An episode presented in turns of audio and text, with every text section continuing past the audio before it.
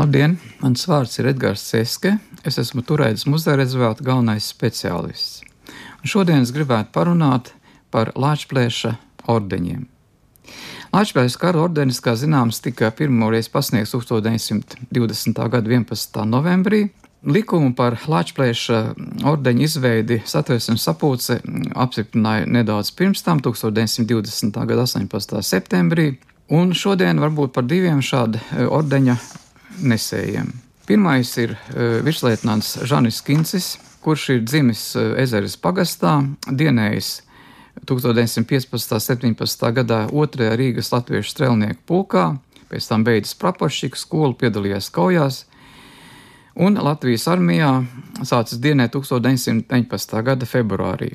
1919. gada 18. maijā kaujā pie Kalgurciema Lielinieku uzbrukuma laikā, kad rotai bija beigusies munīcija, kapteinis Zolts pavēlēja doties durkļu cīņā. Kinsis vede savus kareivjus durkļu cīņā un pirmais ielauzās ienaidnieku ierakumos. Taču tika smagi ievainots, proti viņam tika ar durkli izdurtas abas acis. Un tātad visu pārējo mūžu viņš pavadīja būdams sakls. Viņam tika piešķirta jaunsaimniecība Cieceres pagastā, Viņš tikai dzīvojis Rīgā, pēc Latvijas neatkarības zaudēšanas. Protams, visas privilēģijas Žanim Kinsim tika atņemtas. Viņš dzīvoja Siguldā un mira 1964. gadā. E, viņš ir apbedīts Siguldas kapos e, pēc atsliecinieku stāstījuma. Viņš ir sot apbedīts e, pilnā Latvijas armijas uniformā un ar Latvijas ordeni pie krūtīm. Otrs šī Latvijas kara ordeņa nesējs ir Kārlis Dekteris. Dekteris.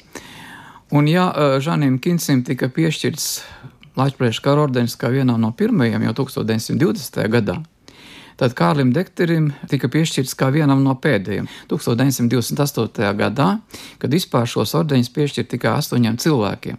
Un Kārlim Dekterim ir priekšpēdējais šī ordeņa numurs, pēdējais numurs ir Elzai Žglievicai.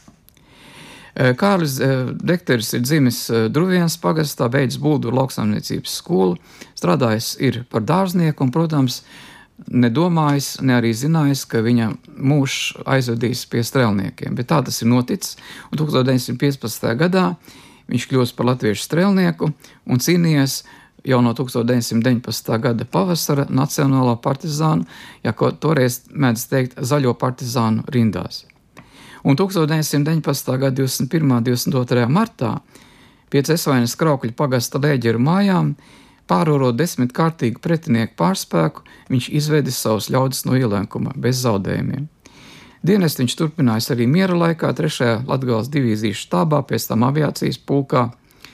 Kārlis Dekteris ir deportēts 1941. gada 14. jūnijā un izsūtīts uz Soļikamskas nometni, kur nošauts 1942. gada 7. aprīlī. Viņa Latvijas kara ordenis glabājas Turaidas muzeja rezervāta krājumā, un vasaras sezona apskatāms ekspozīcijā Ceļā uz Latvijas valsti - klaušanieks, saimnieks, pilsonis.